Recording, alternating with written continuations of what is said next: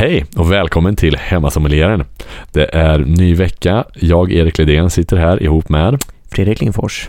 Fredrik, alltid lika trevligt. Det är en ära, Erik, att Och- få sitta och snacka vin med dig. Och kanske en av dina sista dagar i Stockholm, inte Mm. för alltid. Nej. Men eh, du ska ju faktiskt flytta ner på kontinenten, höll jag på att säga. Mm. Räknas det som slätta?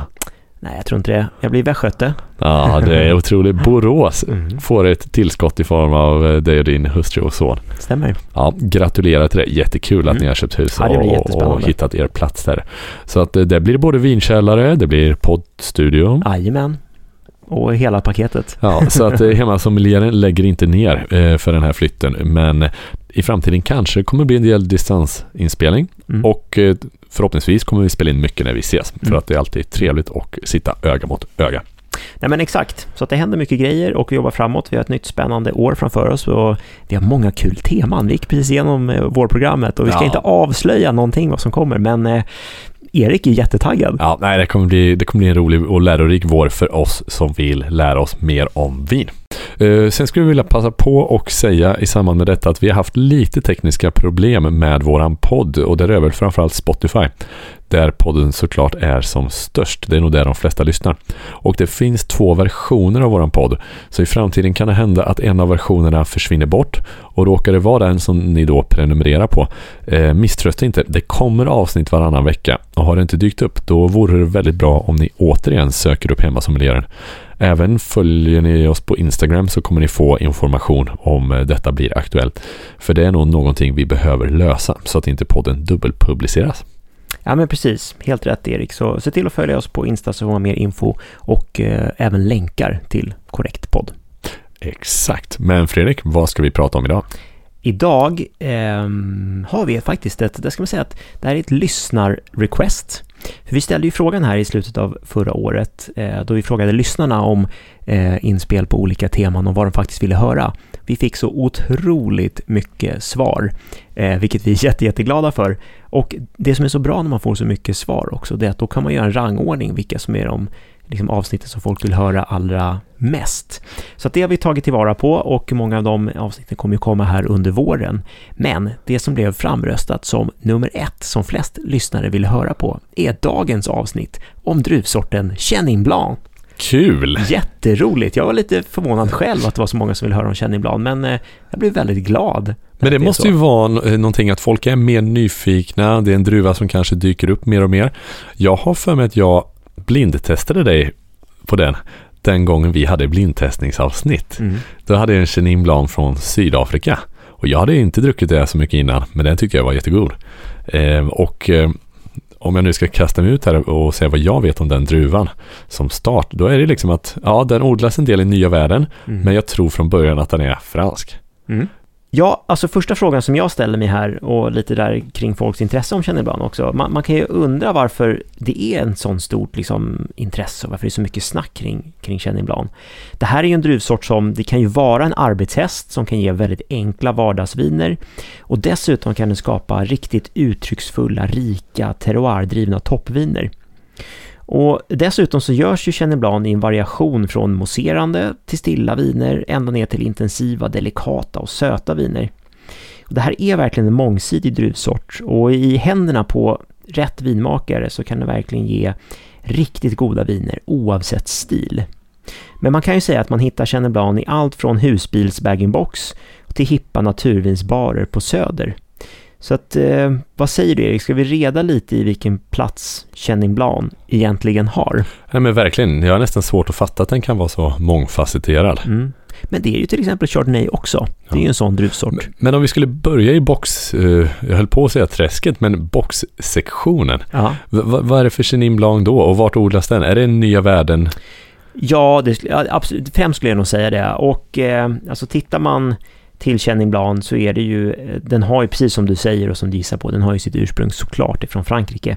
Men den, Vart i Frankrike? Ja, den kommer från Loiredalen eh, och den mellersta delen utav eh, Loire. Och Chenin har mest troligt sitt ursprung i Anjou, som området heter. Och eh, här finns den omnämnd redan på 800-talet.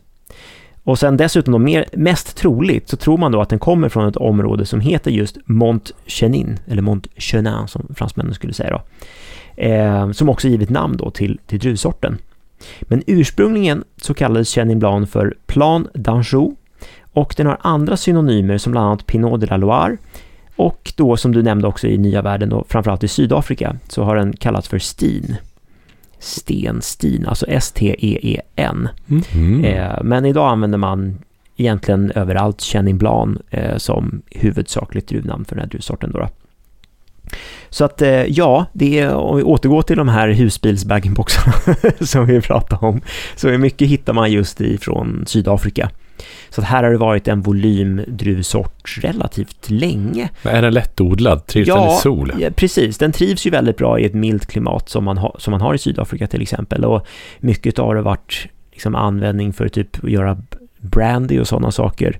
Eh, men eh, också liksom, ja men sådär enkla, okomplicerade, relativt goda viner ändå som man, man hittar från Sydafrika. Så där har den verkligen gjort sig populärt och, och skapat sig ett, eh, ett starkt rykte för det. Eh, och där är liksom Chenin Blanc som en, ja men, arbetshäst då, eh, verkligen. Men ska vi gräva ner oss lite djupare? Ja, för, Eh. för frågan är liksom då, hur har det även hittat en sida som toppvin? Var det toppvin från början och sen tog nya världen det till sig och gjorde det till en mängddruva? Eller är det liksom att det har blivit ett toppvin på senare år och vilka hus eller vart görs det toppviner med det? Nej, men det har ju gått en, liksom en utveckling i vad folk uppskattar för stil av Chenin Blanc. Så att egentligen så har Chenin Blanc kanske börjat sin bana som att varit berömda för, för sina söta viner. Alltså man tänker historiskt sett också, de flesta vinerna som, eh, som var högt rankade var söta viner. Man, man uppskattade det här liksom, det söta vin och idag går vi mer och mer mot liksom, torra viner. Eh, men då finns det ju ett antal liksom, kända ursprung, skulle jag säga, eller mer eller mindre kända ursprung i mellersta Loire, där man skapar exceptionellt bra eh, Chenin Blanc med sötma. Så jag skulle säga allt ifrån halvtorr, halvsöt till ordentligt söt. Så det finns ett helt register av liksom, hur söta viner man, man gör här också. Men, men då kanske en del av namnen kanske är helt liksom, nyheter för de som lyssnar, men en del kanske känner igen någonting i alla fall. Men då finns det ursprung som bland annat Coteau de Layon, Coir de Chaume och Bonnesaut, eh, som är typiska sötvinsursprung för Chenin Blanc. Så där är liksom core, eller basen skulle man kunna säga, för de söta vinerna som Men där vill ju ingen vara nu. Det är ingen som vill ha sött vin. Nej, det är det som är tråkiga också kan jag. Och det var så här, vi var på middag, eh, min fru och jag, hos ett par goda vänner i lördags. Vi hade köpt med oss lite mat, vi hade eh, ja, med goda grejer och vi hade plockat med oss lite vin och sen så efter varmrätten så hade vi med oss eh, ostar, liksom så innan Mm. man rätt och sött och så här. Vi tycker det är himla trevligt. Och så var vi sådär att, ja men gud, vi har sånt himla bra ostvin. Eh, och då var det just detta sån här liksom söt eh, Chenin Blanc ifrån, eh, från Coteau de Layon som vi hade med. Men då var det så här, folk var så här, nej men alltså vi har lite rött kvar och vi är lite så här, kan vi inte bara hoppa det söta vinet? Och så där är det väldigt vanligt idag, att man är liksom inte, även om det söta vinet har en, vad, man tycker själv, en så här perfekt plats att kunna servera till ja, men en, en välkurerad ostbricka eller en härlig dessert eller så. Så ja, folk drar sig ändå lite grann för att eh, dricka söta viner. Och eh, jag kan förstå, jag är ju heller ingen, alltså jag poppar ju inte söta viner hela tiden, men samtidigt kan jag tycka att det är trevligt med alltså ett litet glas här och då. Alltså, in, det, är, alltså det är svårt om man liksom öppnar en stor flaska och, och delar ut och sippar på en hel kväll, men ett litet glas sådär till kanske en, en ost eller sådär. Det, det är som att ha en liten kompott eller någonting till, att det, det gör hela liksom anrättningen komplett. Men sen samtidigt, alltså har man öppnat liksom massa röda viner och sen så då är det ju konstigt att dricka sött och sen gå tillbaka till, alltså de blir ganska kärva och, och kanske inte riktigt lika goda vinerna som man drack innan då så att säga. Så det där är det man får brottas med. Ja, men då kan man ju säga i dagsläget, det är inte så tacksamt att vara ett lite sött vin. Är det uppförsbacke? Så vad, vad hittar vi för Chenin Blanc på, eller om om du vill ha ett finare Chenin Blanc då? Och hur ser det ut på bolaget idag? Vad hittar Mm, man där? mm. Och, och är boxarna söta? Eh, nej, men jag skulle nog säga att det, det mesta du kommer hitta boxmässigt kommer nog ändå vara torr stil utav Mm. Chenin Blanc eller hyfsat torr Så skulle det jag kanske säga. helt enkelt kan vara ett bra boxvin. Ja, absolut. Sen är det ju, alltså det är ju framförallt liksom fruktkaraktär och lättdruckenhet som du är ute efter i en liksom box Chenin skulle jag säga. Men om vi börjar med första delen av din fråga så kan vi ju titta på liksom vad det finns lite söta viner på Systembolaget idag eh, som är Chenin Blanc. Och då kan vi ta till exempel från ett av de ursprungen som jag nämnde då, Coteau de Layon. Och där finns det en producent som jag ändå tror att många där ute som lyssnar på det här känner igen väldigt väl, även om man inte tänker på just ursprunget Contour de Lion. Men då finns det en producent som heter Moulin Touché. Har du talat om det? Ja, men nästan att man känner igen det. Men... Mm. Alltså nyckeln med Moulin Touché, de skapar ju viner som är... Vad betyder Moulin? Eh, kvarn. Okej. Okay. Ja. eh, det är som, alltså, som Moulin Rouge ja. men det är, Moulin är helt enkelt en, mm -hmm. en kvarn. Eh, så det här vineriet heter Moulin Touché och eh, det är någonstans halvsöta till söta viner som de eh, producerar som är otroligt läckra, väldigt, väldigt långlivade. Uppsidan med dem, det är att eh, du brukar lätt kunna få tag i äldre årgångar. Och inför avsnittet så gick jag faktiskt in på Systembolagets hemsida och scoutade lite. Och just nu så finns det 17 olika årgångar tillgängliga i beställningssortimentet. Så att det här är häftiga viner om man vill dricka liksom med lite ålder. Det är jättebra presenter att kunna ge bort. Eh, för då kan man, ja men har man lite flax så kan du hitta någons årgång. Och jag kan ju nämna både din och min årgång finns tillgänglig att kunna köpa utav Molant och Så att eh, där har du liksom så kul liksom födelsedagspresent och ja men lite en sån grej till exempel. Eh, väldigt goda viner. Vi hade det faktiskt som eh, ostvin på, eh, när vi gifte oss, min fru och jag. Mm. Så hade vi just en, en Moulin Touché från min frus årgång. och, och, då kan man köpa den igen nästan? Eh, ja, exakt. Mm. Återuppleva det. Det är lite häftigt. Så det är häftigt. Ja, men det är en sån eh, kul grej. Så att eh, det är ju den delen utav Chenin Men sen kan man säga så här, okej, okay, utvecklingen har ju gått till att, liksom, visst, folk börjar intressera de söta vinerna, men sen kom de torra vinerna också. Vem kommer de då? Nej, men det är fransmännen också ska jag säga, från början. För att eh, eh du gör söta viner, men, men, men i Loire så gör du, ju, du gör ju torra viner också. Men det var de söta vinerna de skapade sitt starka rykte för. Att det var verkligen så här, wow, det här är deras toppviner. Eh, men de torra eh, vita vinerna kom också lite senare. Men jag skulle säga att det kanske är en företeelse på liksom någon gång 70, 80. 90-talet sådär man faktiskt börjar få upp ögonen lite mer för eh, de torra eh, vinerna på Chenin Blanc ifrån, ifrån Frankrike. Och eh, det finns ju några olika ursprung här där man är känd för, eh, för att göra då så att säga Chenin Blanc. Och då har vi Anjou som jag nämnde till exempel. Där är man känd för att göra riktigt bra torra vita viner och då finns det liksom så här producenter som man kan hålla koll på. En av mina favoriter är Thibaut Bourdignon till exempel som gör otroligt läcker, väldigt som frisk, mineralisk, elegant, djup Chenin Blanc. Eh, som är väldigt insmickrande. Det låter ju väldigt gott. Mm, det är en stark rekommendation om man hittar. Sen när man liksom, eh, precis invid eh, Anjou så finns det en, en region som heter Saumur som också gör väldigt eleganta, ganska likstilade viner skulle jag säga som, som eh, Anjou. Man hittar en hel del rött här också och då är eh, en en producentland som heter Arnaud Lambert som jag tycker att man ska söka upp härifrån. Eh, och sen finns det ju några ikoner. eh, alltså sådana här, jag får prata om tidigare att på vissa naturvinsbarer och, och sådär så hittar du ju, eller på hippa eh, vinbarer så kan du hitta en hel del Chenin också som folk är väldigt, väldigt intresserade av. Det finns några sådana här kultvinsproducenter som folk verkligen letar ihjäl sig efter och är beredda att betala nästan hutlösa pengar eh, för att dricka. Och eh, de ligger i Somyr skulle jag säga. Det finns två stycken som jag känner så här, de är väl ändå värda att, att nämna i, de här, liksom, i det här sammanhanget. Det finns en producent som heter Guy eh, som jag personligen är väldigt förtjust i och som jag kanske tycker av de här två är mest värt att söka upp för att de här vinerna är inte hysteriskt dyra. Utan du kan ändå hitta till exempel deras ja, vita brisé, som, alltså de gör ett, en vit Chenin från vingården brisé eh, som kanske kostar 700 kronor. Det är ändå, alltså visst, det kanske är relativt mycket pengar för ett vitt vin, men det är vansinnigt gott. Eh, och sen så finns det nästa vineri som har fått en egen kultstatus som lite grann har liksom tappat det prismässigt också. Och det är Clos Eh, och Clos kanske är om något ännu mer kända för deras röda viner på Cabernet Franc, men de gör Chenin Blanc också. Och eh, det här är ett vineri som är, alltså vinälskare överallt bara letar ihjäl sig efter de här eh, vinerna. Och egendomen har drivits sedan slutet av 60-talet utav bröderna Foucault. Eh, och sen när ena brodern Charlie gick bort eh, 2015 så såldes domänen till ett eh, sån här telekom eh, magnat, alltså det är, det är en familj som har ett telekombolag i, i eh, Frankrike. Och sen dess så har liksom priserna bara gått i, i taket och det är svårare att få tag i de här och framförallt de äldre årgångarna. Så att nu får du nog betala uppåt en 3000 kronor flaskan eh, för att få tag i det här. Och det röda, deras Cabernet Franc de producerar, det är nog någon tusenlapp till. Oj, oj, oj. Men då, då är det liksom ett av de där toppvinerna där ute. Ja. Och jämför man då vad sådana viner kan kosta, då är det ändå inte helt... Nej, men så är det ju. Men det här tror jag ändå så här, pratar vi om Chenin Blanc så är det någonstans, det här är toppen av pyramiden vad du kan hitta. Mm. Precis, jämför du med Chardonnay som vi pratade om tidigare, att det här är också en väldigt mångsidig druvsort Mm. som du kan göra allt ifrån de liksom enkla boxviner och så, ända upp till verkligen världsklassviner. Mm.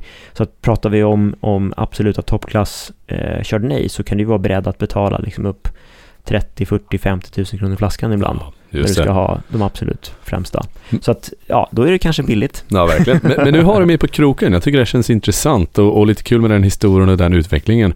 Men då har vi två områden kvar som måste beröras för att Mm. vad tusan smakar Chenin Blanc då? Mm. Och jaha, vad äter jag till det?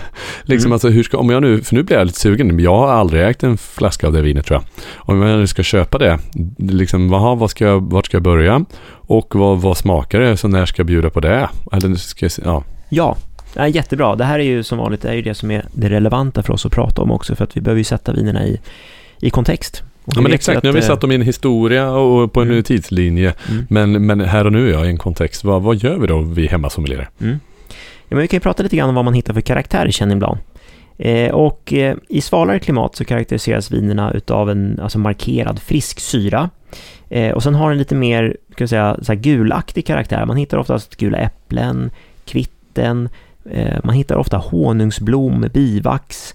Sen kan det finnas lite kryddiga toner, man kan hitta liksom en lite, lite lätt ingefära och så. Någonting som är lite sån här asiatiskt kryddigt kan man hitta i det här också. Och så finns det Chenin Blanc som du kan ha både liksom med eller utan fat. Men oftast brukar det vara relativt nedtonad fatkaraktär. Frukten brukar oftast ligga framför den, men, men ibland kan man stöta på att det finns lite fat och ibland lite nyrostad fatkaraktär också, eh, skulle jag säga. Och sen eh, tittar vi på eh, lite soligare och varmare ursprung så hittar man mer tropiska toner. Man hittar mer liksom sötmogen persika, honungsmelon, aprikos, mango. Eh, de karaktärerna. Vinerna blir fylligare i varmare klimat, syran blir lite mjukare, men det brukar, det är alltid liksom friska viner man pratar om Chenin Blanc, men de kan vara lite fylligare och kan ha nästan en lite sån här vaxig, eh, rund karaktär eh, också. Dessutom så finns det en, en ganska intressant karaktär som uppstår i, i Chenin Blanc som är ganska unikt sådär och det är framförallt om man har sent skördade viner som får hänga kvar, alltså druvor som hänger kvar länge på rankerna. Då brukar de utveckla en liten yllekaraktär. Så att det doftar lite sådär yllekofta skulle man kunna säga. Och eh, det kan ju låta som någonting lite så negativt eller konstigt och att det kliar och sticks om det där, men det är, det är ändå en karaktär som ger liksom en dimension till, skulle man kunna säga. Du får ofta det där liksom bivax, honung, lite mer mogen djup frukt och så kan du få lite sån yllekaraktär och det kan ändå vara, ska jag säga, ändå i sammanhanget rätt behagligt i, i de här eh, vinerna då så att säga.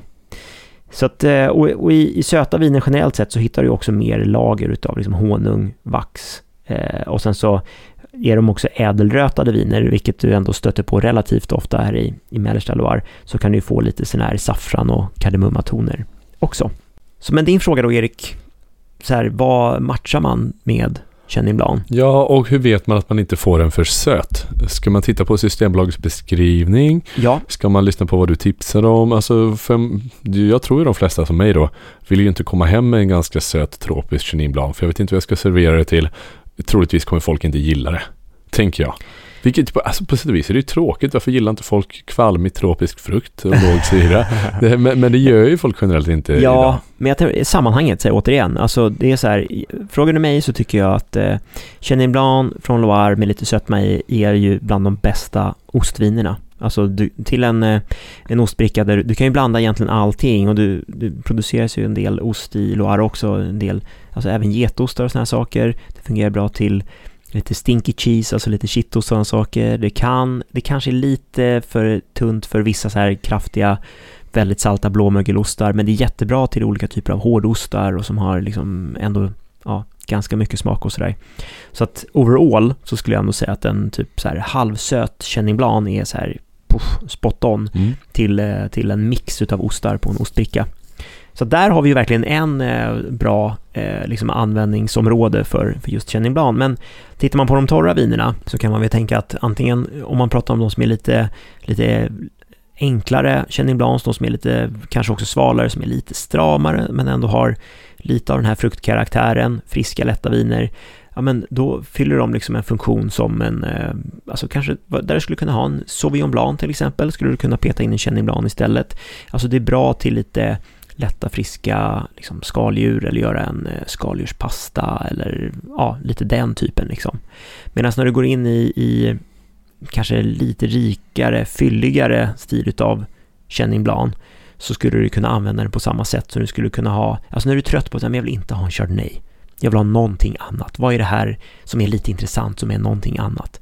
Då är Chenin Blanc perfekt i det eh, avseendet skulle jag säga. Så där skulle man kunna titta på liksom så här, de torra vita vinerna från typ så här Anjou eller Saumur till exempel. Eh, och apropå det så kom jag på att eh, det är ju dessutom en producent som jag ville göra en, en, en shout och nämna som jag inte gjorde när jag pratade tidigare. Det finns ett annat ursprung som är väldigt känt för sina torra vita viner i mellersta Loire och det är Savenière. Och där finns det en, en eh, excentrisk eh, vinmakare som heter Nicolas Joly. Han producerar bland annat ett vin som heter Collet de Serrant som är hans toppvin. Och han är en sån här eh, biodynamisk pionjär som har hållit på med biodynamiken riktigt länge. Så han är den här, alltså naturvinsmakare ser liksom upp till honom som en av de tidiga, att liksom han är lite gudfadern i, i det Både sammanhanget. ekologiskt, biodynamiskt. Jajamän. Och är väldigt hands-off och jobbar liksom väldigt naturligt med, med sina viner så. Och jag träffade faktiskt hans dotter, var i Stockholm här nu i, i december och eh, på en vinprovning som var eh, med ett, med ett, eh, ett sammanhang där det var liksom fokus på biodynamiska producenter från Frankrike och från hela världen. Eh, vilket var väldigt häftigt. Men då fick jag ju, då provade jag eh, bland annat då deras eh, toppvin då, eh, Colédus de och då provade jag årgång 2022, vilken var väldigt exceptionell för att deras vinmakning är väldigt hands-off, ska jag säga. Alltså de gör, de gör ingenting för att påverka musten och sådär.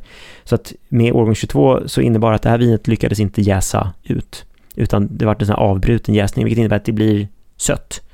Och det här var första gången sedan årgång 95 som de inte har lyckats jäsa ut vinet helt torrt. Så att eh, det blev liksom någonting helt annat. Det var otroligt gott ska jag säga. Men gör de en, eh, då gör de en hype kring det istället så de får sälja den Jag tror att de bara säger så här, "Det- det här är, det är vad det blev. För det kan hända att man blir besviken om man brukar beställa den på krogen och Ja, så helt plötsligt. Men det kan jag säga, jag tror också så här att när man är inne i de här, alltså är man inne i, i kaninhålet och börjar hoppa ner i, i, i Biodynamiska, alltså det är lite i, i vet du det, Alice i Ja, undervärlden, alltså du hoppar ner där långt ner. och, eh, och börjar gräva i Cholys viner, då är det liksom, det här är liksom inga linjära raka viner som är så här, du får samma upplevelse Nej. varje gång, utan det är, det här utmanar smaksinnet ska Mm. jag säga, och det, då kan spreta, det kan vara vilt och det kan vara allt möjligt händer när man dricker dem där.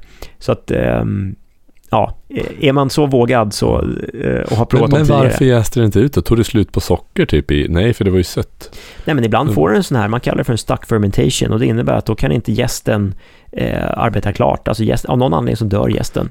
Och hade du då jobbat enligt andra metoder, då hade du bara dunkat in lite ny jäst och Ja, fortsatt Precis, på. gäst och gästnäring och sen så tjoff, kör du klart det. Och det händer alltså ofta i, i eh, kommersiell vinmakning att ja, men det är fermenteringar som stannar av. Men du, de, du, som vinmakare idag har du en liten liksom, arbets eller verktygslåda med saker du kan använda för att få igång det igen och då är det liksom, ja, bland annat, Sulfat. ja, det- eller det använder du i och för sig för att döda Ja, ja men, det, men det är en av de Ja, där det är en grej att använda, Mm. absolut, absolut. Nej, men så är det ju. Men eh, precis, så att eh, i kommersiell vinmakning så tillsätter du ju jäst för att det ska Mm. jäsa. I fallet med Nicolas Joly, där tillsätter man ju ingen jäst, utan en naturlig jäst. Och om den inte orkar jäsa ut vinet, ja, då blir det ju De har haft för rena fötter när de har trampat. Ja, kanske bra att ha smutsiga fötter när man ska eh, producera Mm. naturvin. Då får du lite extra jäst och sånt. Ja, nej, men det där är ett eh, kapitel. Det var ett litet sidospår Ja, bara. men, intressant, eh, men intressant ändå att vara vågat av dem liksom. Ja, men det, det där är ju en, en, alltså en filosofi, skulle jag Ja. säga snarare. Att eh, de känner att de kan inte göra det på ett, på ett annat sätt, utan det, det är sättet som de, som de gör det på. Eh, just det, du hade en fråga för en stund sedan som jag avvek också, men nu kommer vi tillbaka till den tänkte jag. Hur vet man att det är ett torrt eller ett sött vin? Ja, exakt. Mm, på franska så kan du, om vi tänker att du provar vin ifrån Loire då, så på franska så kan du ju eh, många gånger avläsa det på etiketten. Att det står typ säck. Säck, ja, då är det torrt. Eh, och sen kan det stå demi-säck, då är det halvtorrt. Men gör det även på sådana här vita alltså? Det har Ja, inte jag tänkt på. Det kan det göra. Ja. ja. Man får leta lite. Ja, jag kan säga att det, det gör inte alltid det, men har du tur att det står på etiketten så kan du se det. Så att säck, torrt, demi-säck, halvtorrt. Sen kan det stå eh, ord som typ moyeu, då är det sött. Och står det ingenting, då tänker man kanske är torrt. Förhoppningsvis. Ja. Det, det, är, ja, det är inte säkert heller. För det, det här är också det som är så komplicerat när vi är i Frankrike. Då finns det ju kommuner som till exempel då, som jag nämnde tidigare, Croix de Chaume, eh, Bonneau, Coteau de Layon. De, får, de appellationerna får bara göra söta viner. Så att ser man de orden så kommer du inte se torrt vin därifrån, de får bara göra söta viner. Ah, Det här är ingenting som gemene konsument vet. Nej. Det här är bara, det är, det är så här det är. Mm. Och återigen kommer man tillbaka till det, ju mer vin man dricker, ni som kan mycket om vin, ni pratar ofta producent, ni, ni stöter på mer producenter, ni lär er. Och det är väl så jag som nybörjare till slut kommer lära mig också. Att den här producenten var bra, det här är inte. Ja. Men, men det är ju någonting som man inte bara kan plugga sig till heller, man måste nästan prova runt lite. Ja, så är det. Sen, sen skulle jag ändå säga så här, överlag så känns det ändå som att även de väldigt traditionella fransmännen börjar ändå förstå att de måste bli lite mer konsumentvänliga med att förklara saker och ting. För att annars är det jättesvårt att sälja sina viner. Så att det har blivit bättre. Jag ska inte säga att du har en 100% hitrate på att alltid ta reda på om det är sött eller inte. Men eh, det har blivit betydligt mycket bättre eh, på bara senaste 5-10 åren i alla fall. Och nu har vi pratat mycket om Frankrike som flödelseplatsen då för, för Chenin Blanc. Eh, men faktum är att man hittar faktiskt den största odlingsarealen i Sydafrika. Så mer än hälften av all Chenin Blanc odlas i Sydafrika med sina totalt 19 000 hektar. På andra plats så kommer Frankrike med drygt 10 000 hektar följt av Argentina och USA som ligger på ungefär 2000 hektar vardera. Så att tittar man på spridningen av Chenin Blanc så är inte den så här jättestor, utan det blir lite nischdruva utanför Frankrike och Sydafrika. Verkligen, två så dominanta spelare. Mm. Det är intressant och sen så man kan ändå tänka sig att det kanske går en liten Chenin Blanc-trend, så man kan ju hoppas att det, det ändå är på uppgående och man ser mer planteringar komma från fler platser, för att det är, det är goda viner, eh, skulle jag säga. Men eh, vi dyker väl ner i Sydafrika då, för det, Chenin Blanc har ju såklart en liten historia därifrån också. Och där är Chenin Blanc den mest odlade druvsorten och man kan väl lite se... Bra, av alla druvor? Av alla druvor, ja. Oj, vilket erkännande. Mm.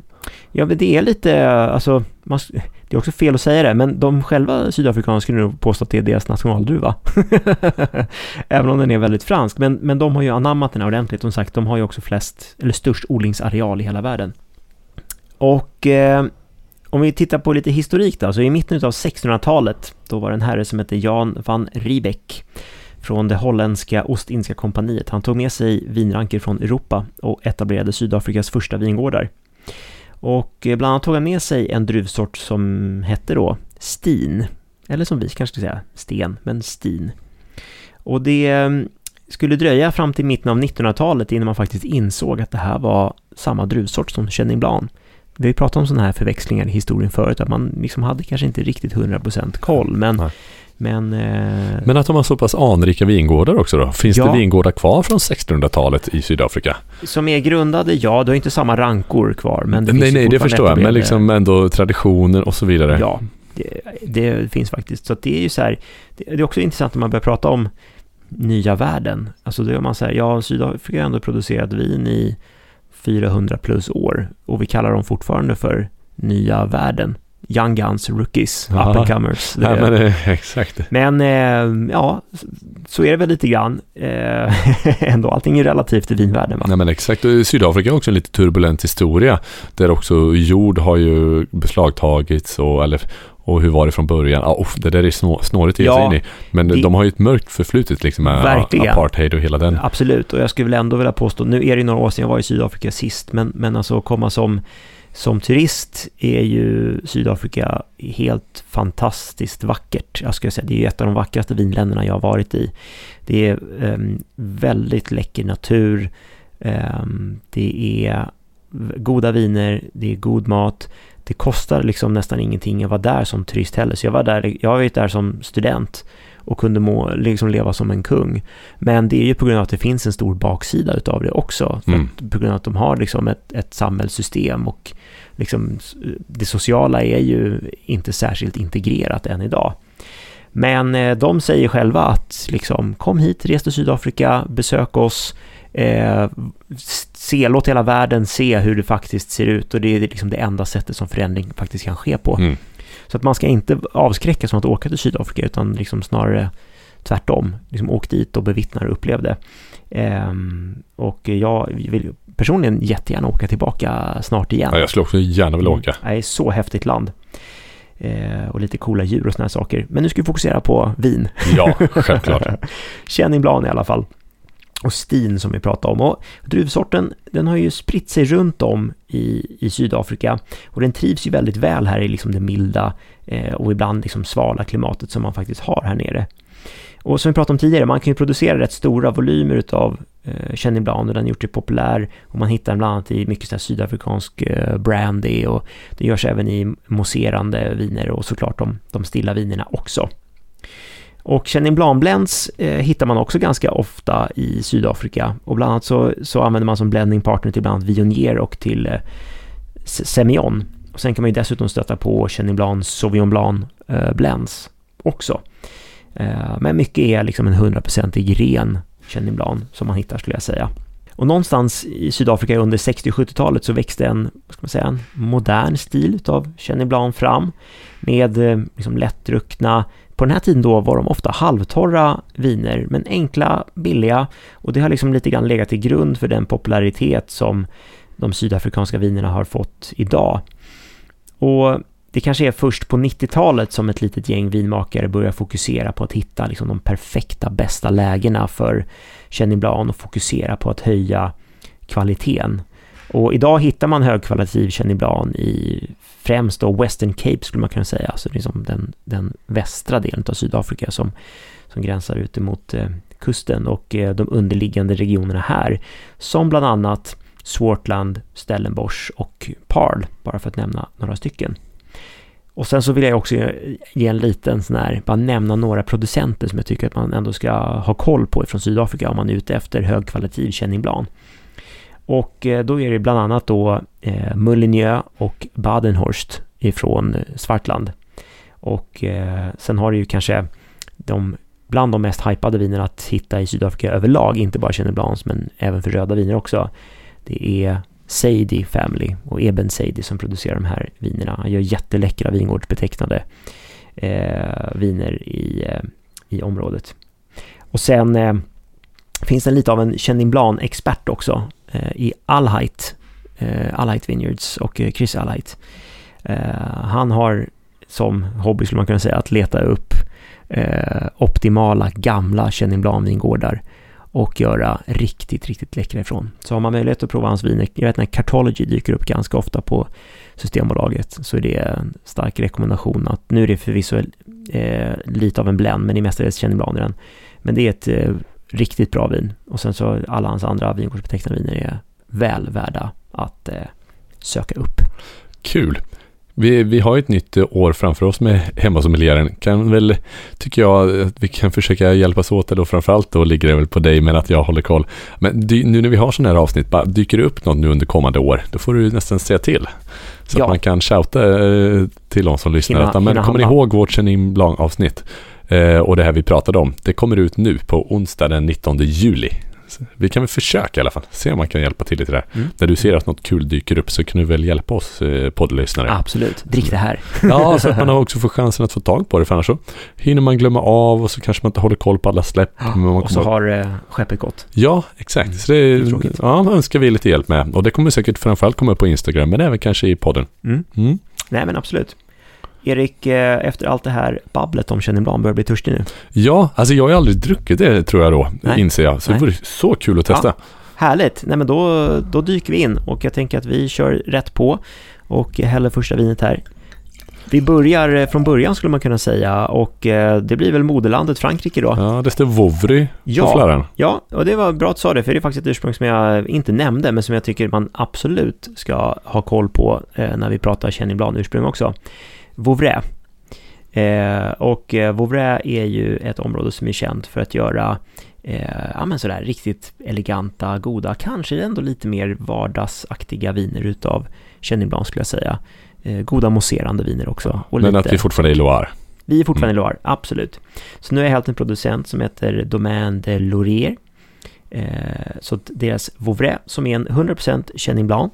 Här är det bara ståltank, inget fat eller någonting sånt. Så att eh, här ska vi förvänta oss lite mer friskhet och lite mer stramhet. Du tittar med en intensiv blick på färgen, Erik. Ja, exakt. Det, det, det ser väl ganska, ganska så liksom eh, jag skulle säga vitvinsfärgat. Det ser liksom inte så här gult och, Nej, och det är ganska klart och det ser klart och rent ut liksom. Mm. Ja, men jag håller helt med dig. Det är, man ser på att det här kanske inte är en sån här djup gyllengul Ja. färg, utan går med en kanske en stråhalmfärgad. eh, Men vad aromatiskt. Mm. Ja, men det finns lite grejer här. Alltså här hittar du framförallt eh, lite mer den här gulfrukten. Det finns lite gula päron, det finns gula äpplen. Eh, men det ligger också lite honungstoner under här. Det finns någonting som man kan dra åt lite lätt så här, tropiskt håll. Det finns lite sådär omogen eh, mango och en lite lätt blommighet. Så att man skulle kunna säga att eh, nu är det fel att dra lite sådana växlar också, men så här, om man tänker sig om Chardonnay hade varit lite mer aromatisk så hade det kanske dragit lite mer åt Chenin Blanc-hållet. Det var en bra beskrivning. Mm, ja, men lite så. Vad tycker du smakmässigt då? Här gillar jag kan jag säga. Ja, det, det är en smak som sitter kvar Mm. och smakar mycket. Mm. Det, det är en generös mängd smak. Mm. Nej, Och, och det, det är ju inte som en Alvarinho i smaken, men, men upplevelsen blir nästan samma. Ett vin som ser ganska blekt ut, men som doftar en hel del och sen tar man ett sipp. Och sen så är händer det väldigt mycket smak. Mm. Men, men andra smaker än en Alvarinho. Ja, Det är inte det här mineraliga. Det, jag tycker, det är inte mineraliskt liksom, utan det är, det är mer fruktdrivet. ja det det, är ju- finns en rondör i det här och en mjukhet som jag tycker är väldigt snygg. Och jag skulle säga att Alvarinhon har nog dessutom mycket skarpare syra i. Det är mer Mm. liksom eh, nästan en elektrisk vass syra. Här är en liten, alltså det finns syra här, men den är mjukare och lite mer välintegrerad. Samtidigt som du får en liksom lite mjukare, rundare kropp. Det kommer lite sötfruktiga toner. Du får det här lite guläppliga och lite fina honungstoner och, det är verkligen, honungsblom. ja, och det är verkligen inte sniskigt. Det är det inte. Nej, det är torrt och friskt och elegant. Och det här är sånt där vin som jag tänker är så här, ja men det här är ju perfekt till en liten så här elegantare fiskanrättning. är väldigt snyggt också. Men, men kul, jag tycker det är en bra, bra spännvidd. Jag älskar att jag kan fråga dig om allt. Och också lärt mig det här om Moulin. Okej, det är kvarn. Liksom det, det blir högt, det blir brett. Ehm, det- Jag, jag, jag, jag hoppas att det är många som gillar att lära sig blandade grejer. Eller Det tycker jag om.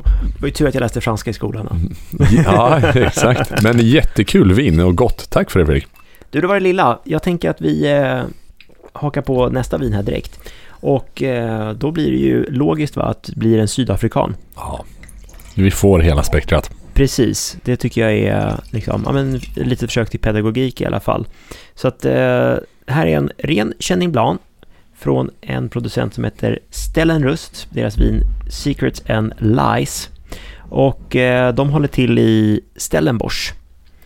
Och Stellenbosch är väl en av de mer, ska jag säga, allmänt erkända mm, vinregionerna överlag i, eller kanske det är en av dem man verkligen känner till om man ska prata om vinregioner ifrån, ifrån Sydafrika. Eh, Men det är, det är lite grann Sydafrikas trädgård kan man säga. Det är väldigt grönt och lummigt och väldigt vackert här. Mm. Och eh, det här skiljer sig lite grann ifrån eh, den eh, franska Chenin Blanc vi drack från Vouvray. För att den här är nämligen eh, jäst och lagrad på fat. Färgen är lik, Mm. doften är helt annorlunda. Helt annorlunda. Jag tänker framförallt för att du får in kanske lite mer, det som är slående, du får lite mer rökiga element i det här. Lite sån här flintastensrök eller liksom lite den eh, karaktären skulle jag säga. Och det är, det är fat, det är lite fatkaraktär som man känner.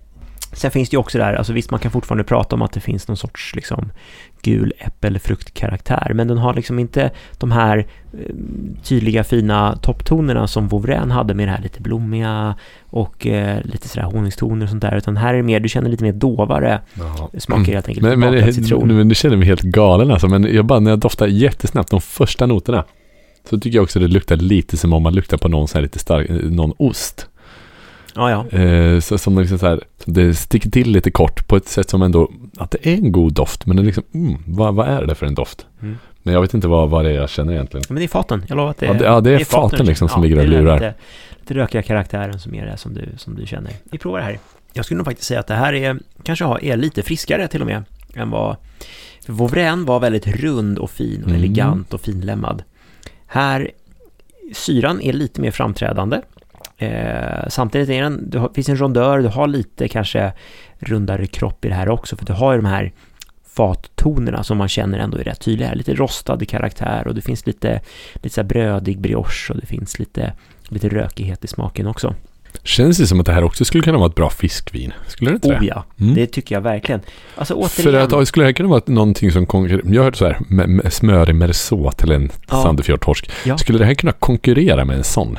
ja, nu kanske just det Att här eller en vinet i sig, liksom. Ja, men precis. Jag, överlag skulle jag nog säga det, absolut. Det är just det här, alltså, alltså tänk, känn ibland lite som att ett roligare alternativ ibland till Chardonnay. Mm. Det kanske låter lite taskigt att säga, Nej, men, men för det förra vinet skulle jag verkligen kunna tänka mig att nästan sitta och dricka bara det. Ja. Men det här vinet tror jag skulle vilja ha till mat.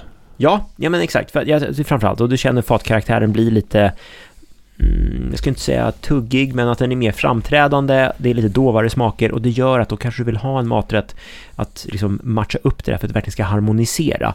Sen är det ju så här, alltså folk gillar ju lite eh, fatsmak, eller viner som har lite fat i sig. Så det, jag kan tänka att det är många där ute som gillar att dricka det här helt på egen hand. Men, precis som du säger Erik, jag är helt enig med dig att det här ska man nog ändå matcha tillsammans med eh, en maträtt. Nu nämnde du Meursault, och det kanske är en sån här, då pratar vi verkligen liksom rika, täta, runda, eh, fatiga, vita viner. Eh, det här kanske faller i en lite lättare kategori, men överlag skulle jag säga fatlagrad Chenin Blanc skulle du absolut kunna ersätta en, en vit bourgogne med eh, på, på många sätt.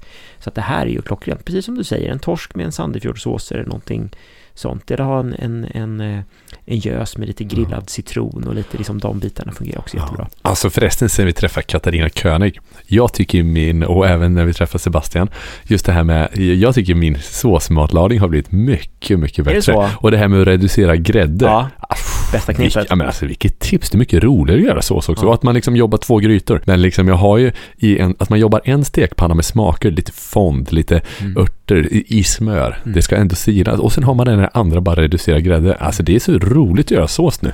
Vad gjorde du för sås senast då? Men det senaste gjorde jag bara lite gräddsås till köttbullar. Ja. Och den blev, jag tycker den blev Ja. väldigt god. Jag körde bara lite fond, lite dijon i där jag hade stekt dem. Och, och det var så här färdiga, tråkiga skansköttbullar jag gjorde till barnen. Och sen Ja, ja. drog jag på liksom reducerade grädden, Ja. slog ihop och, du gjorde ju såsen. Att, att det blev ju så gott. Eh, Trots att köttbullarna var liksom verkligen halvfabrikat. Ja, men där har du ju ändå en, en, sån här, en nyckel i matlagning. Ja men nu gör jag sås till massa olika grejer med Ja. mycket större självförtroende. Superkul. Mm. Eh, Men, men eh, nä- nästa blir nu att börja använda lite vi, viner i sås. Ja, så, liksom för, så säger ni att jag skulle försöka göra lite sås med, ja, men jag ska ta det här, den här eh, Chenin Blanc och, och göra till en fisk. Ja, men då ska jag försöka kanske våga ta med lite av det här vinet i såsen. Liksom. Ja, gud. göra en liten reduktion och så till det att, eh, ja, Nej, men det är precis, exakt, det skulle jag och precis, och samma sak där. Reducera ner vinet så du får ner liksom smaken och lite fränheten där. Och sen är det sen knep som, jag tror Sebastian nämnde det, nämnde det men jag vet att han gör det alltid också. Det har vi gjort när han, när han har lagat mat och kört middagar och sånt där. Då, då tillsätter han ju lite vin ifrån flaskan i såsen, det sista han gör. Bara för att få också någon sån här liten brygga över emellan det där. Och det är någon liten nyckel i det också för att få det att funka bättre med vinet. Ja, nej, men eller hur. Men, men, men ja, det var ju verkligen ett sidospår. Ja, då har Chenin Blanc alltså. Ja, goda viner, du gillar de här eller? Ja, jag tycker, tycker de var tre, trevliga, intressanta. Mm. The Faktiskt. hype is real, ska vi säga så, gällande Chenin Blanc? Ja, men jag tycker det. Och vi slutar on a high note med, med det och att eh, kanske få ta 2024 och utforska lite Chenin Blanc. Mm.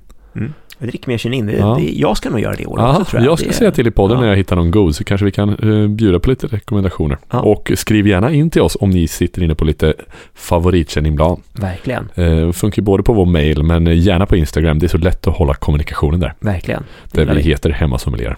Enkelt, eller hur? Eller hur? ja. Erik, då får vi skåla och tacka för det då. Nej, men skål och tack för detta Fredrik. Vi ses snart. Det gör vi.